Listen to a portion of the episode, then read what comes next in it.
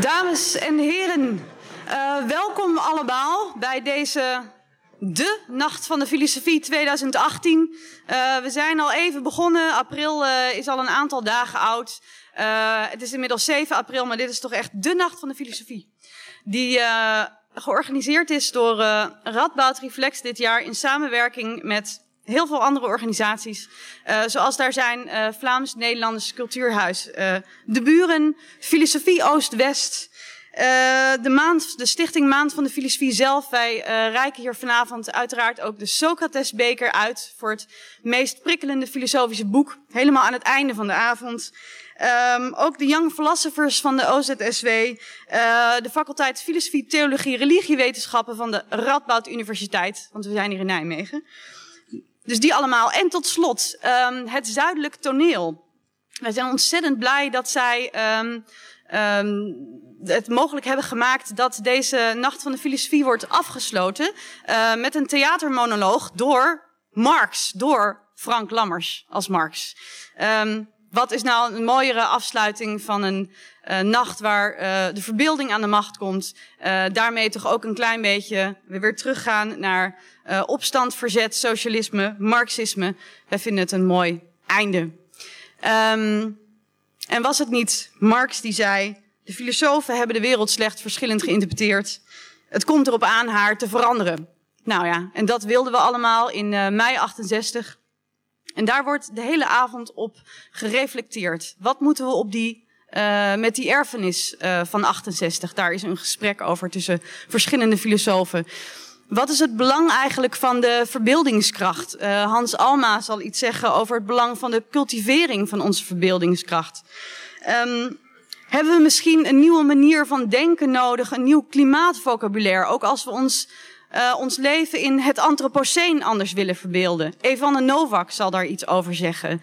Uh, wat is dat antropoceen eigenlijk? Daar zal René ten Bos, onze denker des vaderlands, uh, deze avond een keer niet iets over zeggen. Um, want er is een nieuw boek uit, Het Volk in de Grot. En daarover gaat hij in gesprek met Arjen Klein-Herenbrink. Dit was een greep. Maar uh, u zit hier natuurlijk niet om alleen maar naar een samenvatting te luisteren van mij, uh, Lisa Doeland, de programmamaker van deze avond van Radboud Reflex. U bent hier in deze zaal nu voor Femke Halsema, um, waar wij heel erg blij mee zijn uh, dat zij dit jaar het essay heeft geschreven van de Maand van de Filosofie. Want wie kan er beter een essay schrijven over macht en verbeelding, terugkijken uh, op de erfenis van 68, die, zo zal zij, uh, zo schrijft zij in haar essay, en zo zal ze ook hier uitleggen, uh, vaak gekaapt wordt door uh, nieuw rechts. Uh, maar al die progressieve idealen, um, die emancipatie, die gelijkheid, dat, zijn, dat is de erfenis van de jaren zestig en die is best wel een beetje links. Zij komt daarover vertellen, een lezing. Zij zal daarna in gesprek gaan met een andere filosoof die hier vanavond aanwezig is. Janna Loontjes. Zij is ook schrijver en schreef ondanks het boek Wie weet. Uh, later deze avond gaat, zij, uh, gaat Femke Halsema Janna Loontjes ook weer interviewen over haar boek. Um, dat is iets langer dan het gesprek dat Janna Loontjes zo met Femke Halsema zal hebben. We hebben krap de tijd, we hebben 40 minuten. Dus ik hou hierbij op. Ik wens u heel veel plezier met de lezing van Femke Halsema.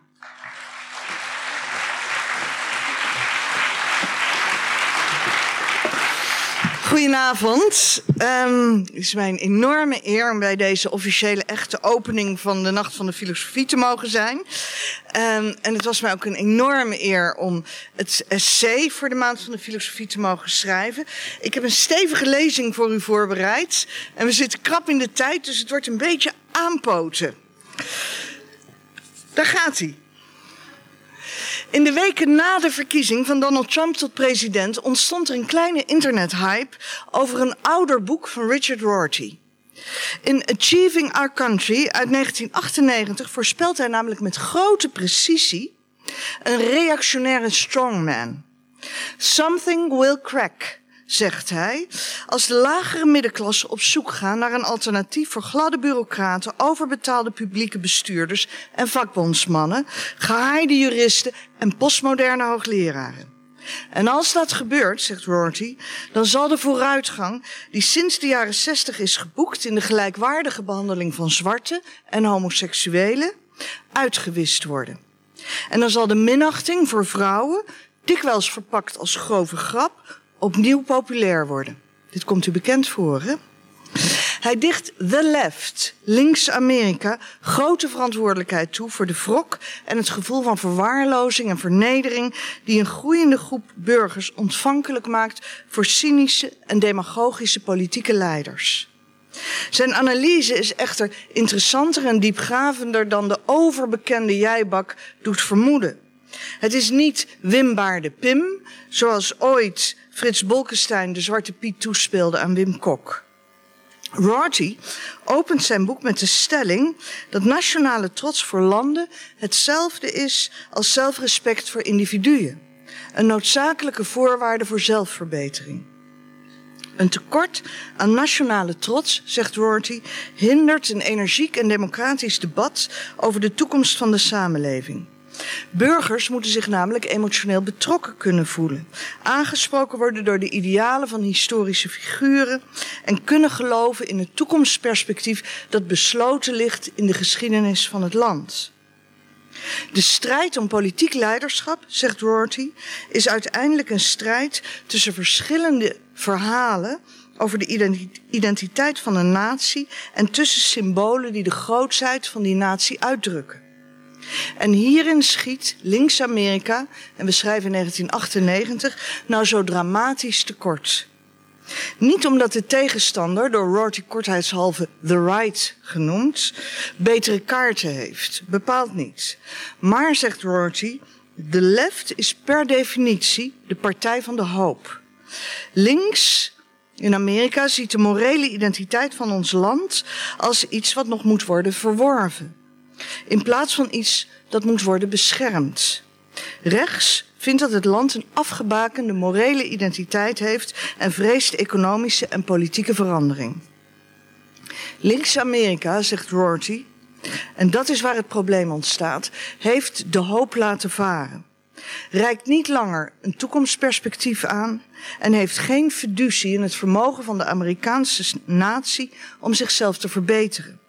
Links is met andere woorden niet meer progressief en in twee delen uiteengevallen. Als eerste, zegt Rorty, is er cultureel of defetistisch en soms zelfs nihilistisch links. Dat zich van de macht heeft afgekeerd en de nadruk legt op ideologische zuiverheid, op onderling, vaak theoretisch conflict, op identiteitspolitiek en op protest. En daartegenover, tegenover dit defetistische links, staat technocratisch links. Bestuurders, zoals in de jaren dat hij het boek schrijft, Bill Clinton en Tony Blair, die elke gedachte aan herverdeling hebben laten varen en zich met mineure maatregelen staande proberen te houden in een overwegend conservatieve omgeving. Tot dusver Rorty. Ik wil twee herinneringen met u delen. Als eerste. In het laatste jaar van mijn middelbare school, en dat is um, 1983, moest ik een scriptie, beter gezegd een scriptietje, schrijven voor geschiedenis. En dat ging niet over de Holocaust of Hiroshima, de grote gebeurtenissen die mijn klasgenoten uitkozen, maar het ging over de Amsterdamse beweging Provo. Het ging over de magische acties van filosofiestudent Roel van Duin, over de anti-rookmagier Robert Jasper Grootveld en de bedenker van het witte fietsenplan Luut Schimmelpenning. Ik vond hun gekte, 1965 hebben we het over, um, vrolijkheid, serieus activisme, fascinerend en ik vond het ook moedig. Bijvoorbeeld de hele jonge studenten, een um, lid van Provo, die krenten uitdeelt op straat om de krenterigheid van het Nederlandse consumentendom aan te willen tonen en vervolgens wordt opgepakt. Als zij wordt ingesloten en langdurig verhoord, gaat Provo eerst de straat op met spandoeken waarop staat um, vrijheid van demonstratie, um, uh, vrijheid van meningsuiting. Maar als zij ook worden aangehouden en vervolgens uh, vastgezet, gaat een ander deel van Provo de straat op met witte lakens. Het officiële gezag weet zich geen raad met deze dwarsheid en deze provocaties. Um, en terwijl het gezag in zijn hemd staat en er vanuit het buitenland zelfs belangstelling is voor Provo, weet Provo ondertussen hele grote en ingewikkelde onderwerpen te agenderen. Milieuvervuiling, oorlog, um, en de ongelijke verdeling van welvaart. Als het revolutiejaar 68 aanbreekt, heeft Provo zich alweer opgeheven. In de woorden van Roel van Duin, omdat het alleen een komeet met een lange staart wil zijn en niet een bureaucratie. In de inleiding van mijn scriptie dan, als 17-jarige, schrijf ik dat ik eigenlijk 20 jaar te laat geboren ben, omdat ik het heel erg graag mee had willen maken. Met mijn romantisch verlangen naar de jaren 60 dan zet ik me eigenlijk vooral af tegen de tijd waarin ik zelf volwassen word. Ik ben namelijk van punk. Ik ben van het Duitse meisje Christiane F. dat heroïne spoot op Bahnhof Zoo. Ik ben van het verzet tegen de kruisraketten, van kraakpanden en van met zeep in je getoupeerde haar um, uh, met je hoofd strak naar de grond dansen in de Enschedese disco Exit. In de jaren dat ik volwassen word is de modeslogan voor jongeren No Future. De tweede internationale oliecrisis in 1979 heeft namelijk een economische recessie veroorzaakt. De werkloosheid stijgt snel en raakt vooral arbeiders en schoolverlaters. Er is woningnood, angst voor een kernoorlog, voor milieurampen en voor het dan net ontdekte en snel om zich heen grijpende AIDS-virus. Nieuwe conservatieve leiders als Ronald Reagan in de Verenigde Staten, Thatcher in Engeland, Helmut Kohl in Duitsland en onze Ruud Lubbers. En die maken heel hardhandig duidelijk dat there is no alternative voor grootscheepse privatiseringen en afbraak van sociale voorzieningen. Door dit mengsel dat zij introduceren in de jaren tachtig van rauw kapitalisme en neoconservatisme, wat we later neoliberalisme zijn gaan noemen, verschrompelt het vooruitgangsoptimisme uit de jaren 60 en 70, uit die decennia daarvoor, tot doemdenken. En dat is het woord dat Van Koten en de Bie in die jaren uitvinden om de veranderende tijdsgeest te typeren. De harde politieke neoliberale koers wordt beantwoord met stakingen, rellen, demonstraties en politieke polarisatie. Een bitter decennium, noemt journalist Sjoerd de Jong de jaren tachtig. Nadat het paradigma omklapt en hoop plaatsmaakt voor frustratie, rancune en afkeer van de burgerlijke samenleving. In de minderheid en in de oppositie valt de progressieve beweging in Nederland ook in twee delen uiteen. Een deel van de idealisten uit de jaren 70 neemt plaats op het pluche krijgt banen, vaak goudomrande banen, en bekeert zich tot het technocratisch bestuur in de publieke en private sector. In het andere, meer activistische deel, hier in Nijmegen altijd goed vertegenwoordigd geweest, ontstaat in de jaren tachtig een malaise-stemming. Hoe komt het, vraagt Guus Meershoek zich in 1988 af in het filosofisch tijdschrift Crisis, dat ideeëngoed, dat participatie van zoveel mogelijk mensen in de, publieke, in de politieke besluitvorming als ideaal hoog in het vaandel heeft, ineens in de jaren tachtig het omgekeerde te werk stelt. Het demotiveren van de eigen aanhang om zich nog met de politiek te bemoeien. Een tweede herinnering.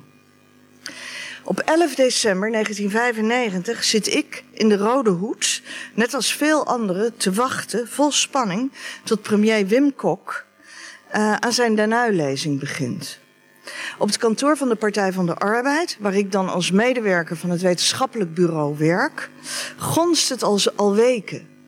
De verwachting is namelijk dat Kok een nieuwe koers voor de Sociaaldemocraten zal uitzetten. En daar is een groot verlangen naar, omdat de Partij van de Arbeid na de harde polarisatie uit de jaren tachtig, waarin ze in de oppositie zat, um, en na een aantal verloren verkiezingen weer op het regeringspluche terecht is gekomen, maar elk elan en overtuiging lijkt te missen. De PvdA opereert vooral als een goed geoliede machine van lokale, provinciale en landelijke bestuurders. En dat is de vele idealisten die de partij rijk is en waar ik dan midden jaren negentig toe behoor, veel te armoedig. Maar de avond neemt een andere wending als Wim Kok in plaats van een lonkend perspectief het boetekleed aantrekt. De oude ideologie, zegt hij, blijkt niet in staat antwoord te geven op sleutelvragen van deze tijd. En u kent de volgende zinsnede. Het afschudden van ideologische veren is voor een politieke partij als de onze niet alleen een probleem, het is ook in bepaalde opzichten een bevrijdende ervaring. Een werkelijke vernieuwing van de Partij van de Arbeid begint met definitieve afscheid van de socialistische ideologie.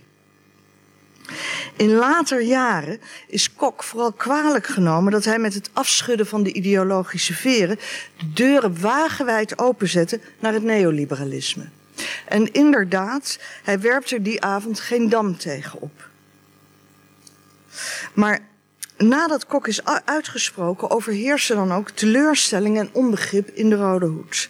Zijn visie wordt pover, armoedig en zijn uitwerking wordt ambtelijk genoemd.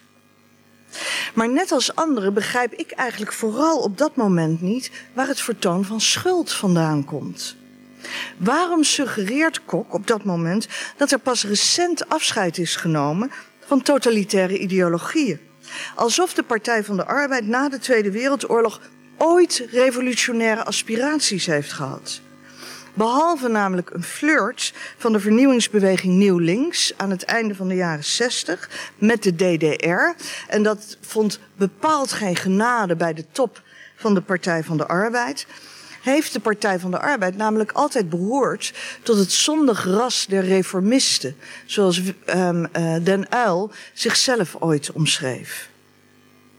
De politicoloog Hans Richard merkt dan ook uh, direct na de den uitlezing van Kok op dat als Kok zegt zich te bevrijden van de socialistische ideologie, het lijkt alsof hij zich ontdoet van een beknellend geestelijk harnas. Links dogmatisme dat gemakkelijk geassocieerd kan worden met de dwingelandij van Oostblokdictaturen. Ideologie staat in deze visie dus voor intellectuele stilstand, voor geestelijke onvrijheid. Richard, die een historische studie schreef over de jaren 60 en 70, noemt dat niet alleen eenzijdig negatief, maar ook onhistorisch. Het negeert, zegt hij, de samengebalde denkkracht en intellectuele rijkdom van al diegenen die zich voor ons, voor 1995, hebben gekweld met de vraag hoe een rechtvaardige, vrije en gelukkige samenleving eruit zou moeten zien. Kok voegt zich in 95 naar de tijdsgeest.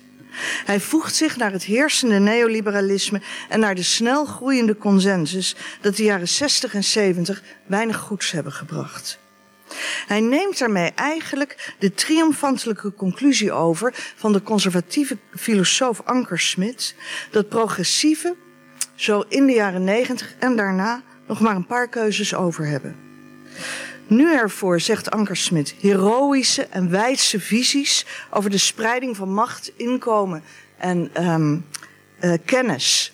Zoals de slogan was van het eerste kabinet Den Uil. Geen sympathie meer is, kunnen zij zich enkel voegen naar de conservatief-liberale orde. Dat is wat Wim Kok doet. Of, zegt Ankersmit, ze kunnen grossieren in morele verontwaardiging over kabinetten die hun sociale gezicht hebben verloren. En dat is mijn derde herinnering. Zo herinner ik mij ook mijn eigen politieke jaren. Tussen 1998 en 2011.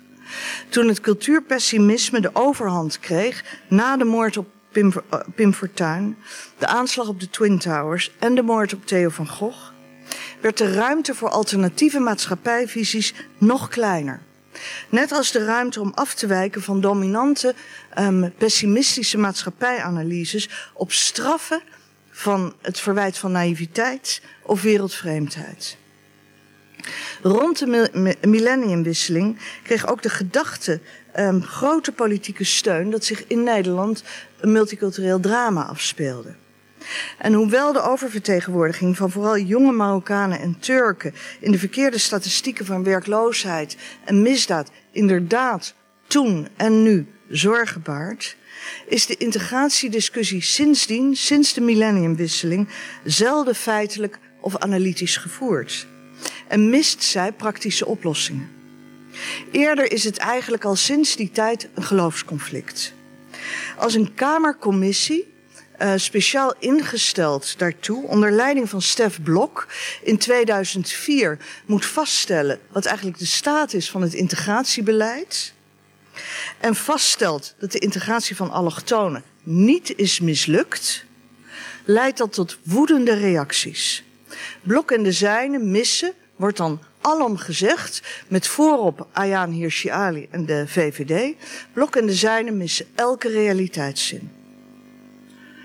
Het verlangen naar een stevige positie in dit culturele conflict, dat vanaf midden van de jaren negentig opkomt en versnelt vanaf 2000, gepaardgaand met de druk om fouten uit het verleden te erkennen, overschaduwt alle andere discussies.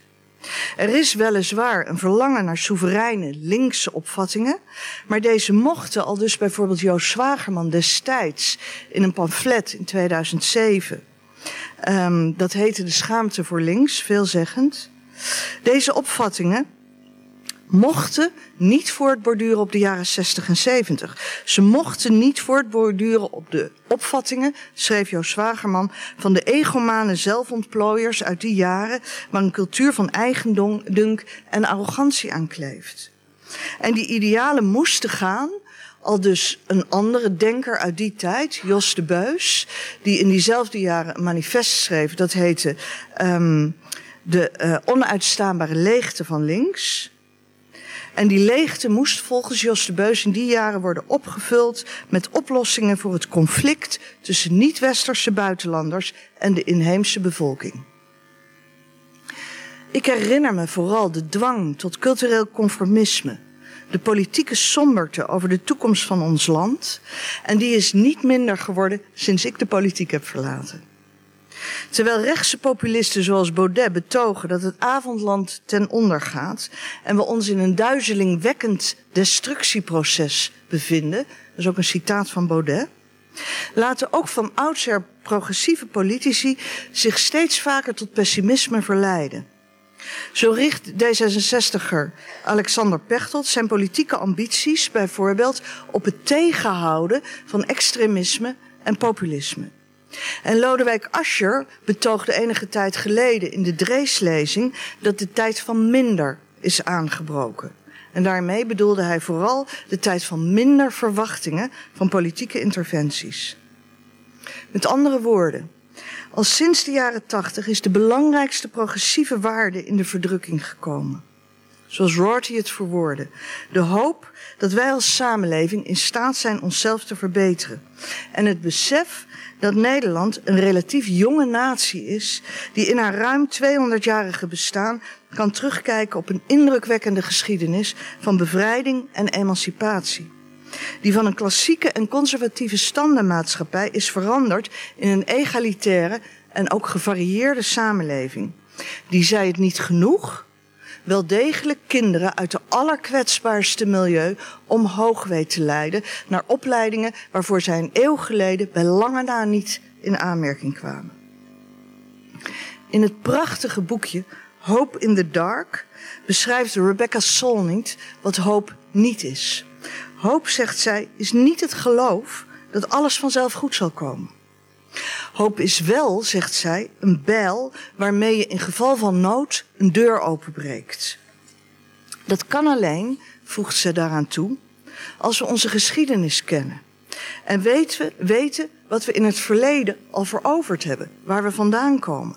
Herinnering, zegt ze, produceert hoop. Solnit's ideeën vertonen grote gelijkenis met die van Rorty. Beide menen dat maatschappelijke verandering begint met de strijd om de collectieve herinnering, de toe-eigening van de geschiedenis van de samenleving. Zoals Rorty het, of zoals Solnit het verwoordt, de verhalen die we vertellen over wie we waren en wat we deden, vormen ons in wat we kunnen en willen doen. En het zijn precies deze twee elementen de trots op het verleden en de verbeelding van onze toekomst, die de afgelopen decennia in de progressieve beweging verweest zijn geraakt. En dat terwijl er alle reden is voor trots.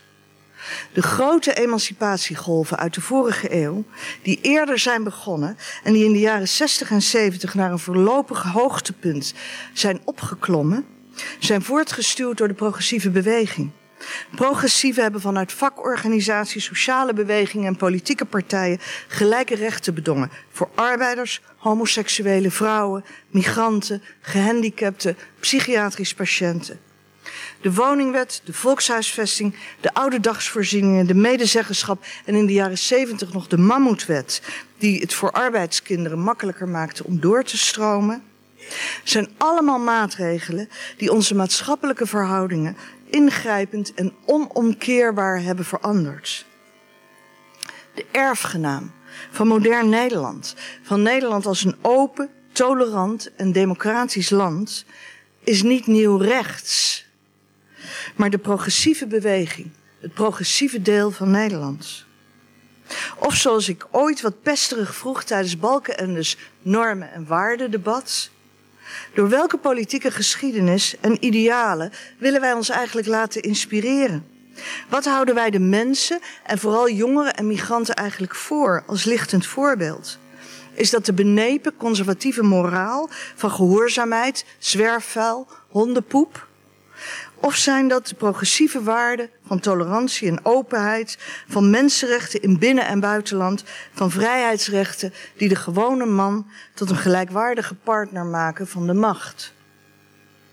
Progressieve politici en progressieve activisten, progressieve denkers, die zich buiten de discussie over de nationale identiteit plaatsen, of deze als conservatief en eng nationalistisch terzijde schuiven, die doen zichzelf ernstig tekort. Zij zijn namelijk zelf de dragers van een traditie die aandacht, verdediging en waardering verdient. Door de weerzin tegen nationalisme, of tegen patriotisme als u dat prettiger vindt, kan de collectieve herinnering namelijk verarmen.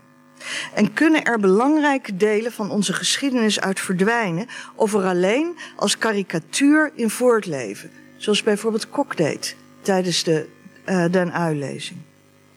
Rorty merkt op dat een betekenisvolle discussie over de toekomst van de samenleving alleen kan plaatsvinden als er een zeker nationaal bewustzijn is. Ook als je vindt dat er een wereldfederatie moet komen en als je een vurig aanhanger bent van wereldburgerschap, dan nog zul je een natiestaat bereid moeten vinden om de uitvoering daarvan op zich te nemen. En een natiestaat zal alleen daartoe bereid zijn als zijn inspanning door zijn burgers worden gewaardeerd. En bovendien kunnen we aan onze herinnering aan de emancipatie en bevrijding van de Nederlandse bevolking van de afgelopen eeuw, maar bijvoorbeeld ook aan de grote waterwerken die we hebben, de aanleg van polders of de grote volkshuisvestingsprojecten die er zijn geweest. Daaraan kunnen we het vertrouwen ontlenen dat we in staat zijn, ook nu, om onze toekomst vorm te geven. Het socialisme zal zich zijn afkomst uit de wereld van droom en verlangen, der utopie, meer moeten herinneren, wil het niet het lot ondergaan van mumificering. Dat was de waarschuwing die Joop den Uyl afgaf in 1978 toen zijn eerste kabinet net ten einde was gekomen. En dat was niet omdat hij een utopist was. Want hij vreesde juist de reëel bestaande utopieën in Oost-Europa, China, Rusland, Cambodja, die grote verwoestingen hadden aangericht en tot grote onvrijheid hadden geleid. En hij verdedigde met hartstocht de smalle democratische marges. Maar niettemin vond hij het nodig om de PvdA op dat moment eraan te herinneren dat de wereld van droom en verlangen bij de progressieve um, beweging hoort.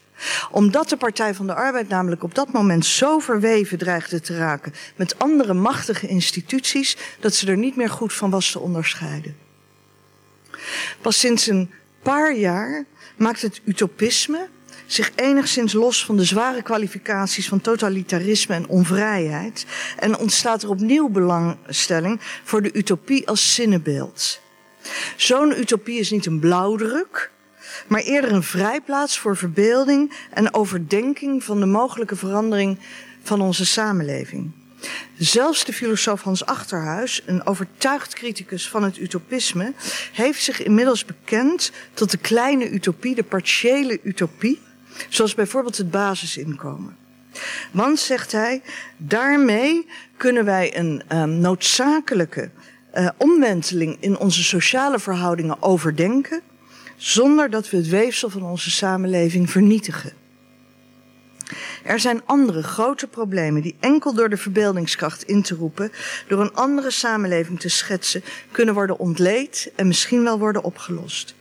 Het klimaatprobleem, de voedselschaarste, de ongelijke toegang tot hulpbronnen. Daarvoor moeten we een alternatieve economie gaan verkennen die niet langer is gebaseerd op de harde competitie van het kapitalisme. De miserabele omstandigheden waarin miljoenen vluchtelingen verkeren, wereldwijd, die dwingen ons om na te denken over het ontwikkelen van nieuwe democratische gemeenschappen in de regio's van herkomst. En in onze eigen samenleving verdienen de duizenden mensen die uit het arbeidsproces worden gedrukt, waarvan wordt gezegd dat ze niet in staat zijn om te participeren, een ontspannen en waardig alternatief. En het vergt verbeelding en creativiteit om het onderwijs en de gezondheidszorg te bevrijden van het controlefetischisme van semi-publieke managers en bestuurders. En het opnieuw kleinschaliger en eenvoudiger te organiseren. En voordat we de regels voor de landbouw, de energievoorziening, de ruimtelijke ordening of het openbaar vervoer opnieuw voor de zoveelste keer gaan aanpassen, zouden we misschien eerst eens een toekomstbeeld voor onze stedelijke samenleving moeten ontwerpen. Anders dan de populistische onheilsprofeten vaak suggereren, bevindt Nederland zich niet op een scherp naar beneden hellend vlak. We zijn niet de machteloze getuigen van een duizelingwekkend destructieproces. Maar wel leven wij in een land waar een groot onvervuld verlangen rondwaart. Naar grotere rechtvaardigheid en naar meer menselijkheid. En dat verlangen wordt niet vervuld door repressie of door controle, door polarisatie of door onderlinge verwijten, maar wel door trots, hoop en verbeelding. Maar toch is ook dat niet genoeg. Utopieën, zinnenbeelden krijgen pas betekenis als ze worden vertaald in praktische politiek, in stapsgewijze hervormingen. Lang geleden, in 1972, schoven de progressieve partijen de onderlinge electorale competitie opzij en gaven zij voorrang aan de gezamenlijke wens de samenleving te verbeteren. Toen overheerste het besef dat alleen door een blok te vormen en gelijktijdig de macht te zoeken, de belofte aan de bevolking van emancipatie en bevrijding kon worden ingewilligd. In het huidige populistische klimaat, waarin progressieve waarden met voeten worden getreden en waarin hoop teloor gaat door vervreemding en polarisatie, wordt met onderlinge concurrentie kostbare tijd verdaan. Alleen met samenwerking kan een keerpunt worden bereikt. Dank u wel.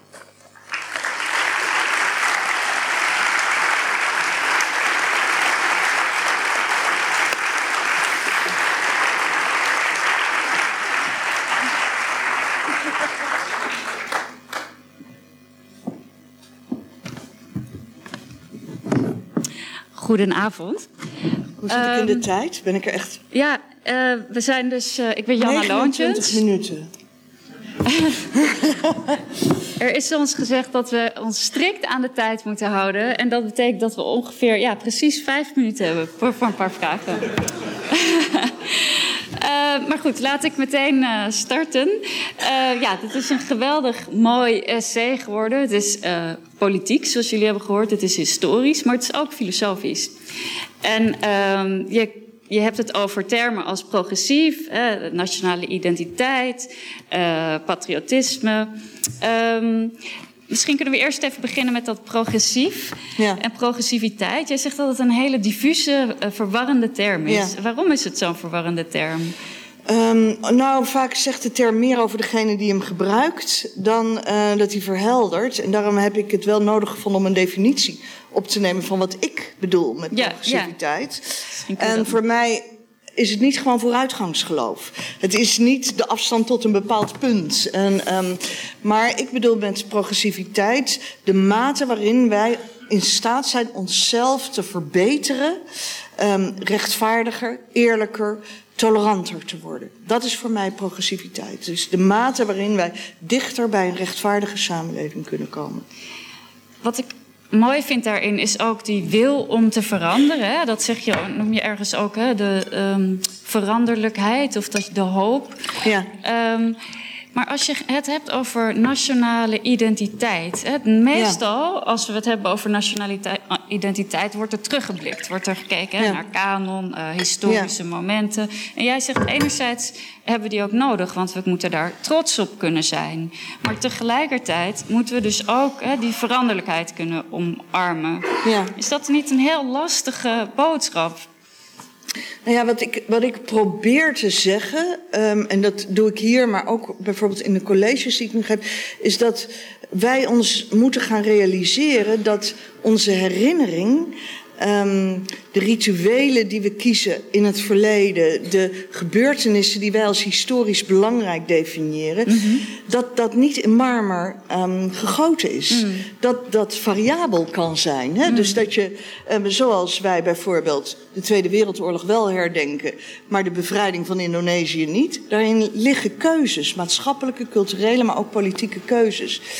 Ik wil niet langer de herinnering van Nederland, de geschiedenis van Nederland, laten definiëren door rechtse populisten die um, kritiekloos zijn ten aanzien van de VOC bijvoorbeeld en um, uh, uh, slavernij wegdrukken als ja. een deel van de geschiedenis. Waarom vind ik dat zo belangrijk? En daarin volg ik heel erg Rorty en Sol niet, mm. is omdat in datgene wat wij ons herinneren, daarin bouwen wij ook de toekomst van Nederland. Ja. En ik vind dat wij ons Nederland moeten herinneren als een progressief land. Mm. Natuurlijk ook een land met een moeizame geschiedenis, waarin veel fouten in het. Maar de opdracht in Nederland, waar, wat mij trots maakt, wat voor mij de identiteit van Nederland is, dat, is, nou, dat haal ik ook aan door ja. uh, uh, van Randwijk heel mooi ja. uh, verwoord. Dat is de, um, de ambitie om een gemeenschap van recht en menselijkheid te zijn. Dat dragen wij al een eeuw in, in ons. Wij um, wilden eigenlijk uitstijgen boven het provincialisme. We wilden een gidsland zijn. We willen ons um, nou, soms buitengewoon ambivalent. Um, we willen toch ook uitgroeien boven onze akelige geschiedenis van imperialisme en kolonialisme. En dat vind ik ook belangrijk, want als we dat namelijk doen, dan zeggen we ook iets over ja, wie wij in de toekomst willen worden. Ja, uh, ja, ik heb hier heel veel nog, zou ik hierover kunnen vragen. Nu hebben we nog één minuut. Uh, mogen we niet, kunnen we niet vijf minuten uit? Ja, u wil allemaal naar andere programma's natuurlijk. Um, sorry. sorry, sorry, sorry. nou ja, ik ga in elk geval nog één vraag stellen. Um, want vorige week heb ik jouw lezing ook gehoord in uh, Amsterdam. En toen zat er iemand naast me en hij kwam uit België. En hij zei, ik vind dat hele mooie idealen. Openheid, tolerantie. Ja. En, maar zodra je daar een nationaal verhaal van maakt... dan voel ik me buitengesloten. Zijn dat niet eigenlijk termen die juist over de grenzen gaan? Ik vroeg me af, wat zou je tegen deze man zeggen... die zich dan ineens buiten dat verhaal voelt gesloten... van die nationale identiteit? Oh ja, het is, ook, het is niet een identiteit die andere mensen uitsluit, maar natuurlijk mm. juist uitnodigt om er deel van uit te maken. Um, weet je, een, een, voorbeeld dat ik heel vaak gebruik, dat is de instructievideo die um, migranten te zien krijgen die zich in de Verenigde Staten willen vestigen. Daar, uh, in die instructievideo daar wordt um, het, het, uh, de grondwet uitgelegd, We the People, het kleine historische document waar die samenleving op is. En ze zeggen in dat document is eigenlijk vastgelegd dat de Verenigde Staten een open land is en een land dat altijd in ontwikkeling is, een tolerant land en daarin is het ook een uitnodigend land. Dat is een land waarin mensen van verschillende geloven, uh, verschillende herkomst, verschillende kleur kunnen daar deel van uit gaan maken. Dat het in werkelijkheid een tikje anders uitwerkt in de Verenigde Staten. maar dat is het ideaal. Dus tegen deze Belg zou ik willen zeggen. Um, onze identiteit betekent juist dat u welkom bent. Oh. En, uh, en het betekent ook dat wij als land aan willen sluiten in een internationale gemeenschap van mensenrechten. Um, waarvan wij hopen dat andere landen ook in die traditie willen staan. Mm, ja, ik vind dat heel mooi. En uh, nu moeten we stoppen. maar uh, ja, ik vind het ook heel terug. Maar we gaan elkaar wel nog spreken om half tien. Ja, maar dan praten we over haar prachtige roman, wie weet. Maar wie weet komen er wel nog uh, onderwerpen wie terug. Weet. ja. Oké, okay, nou ik wens jullie een hele fijne avond nog. Uh...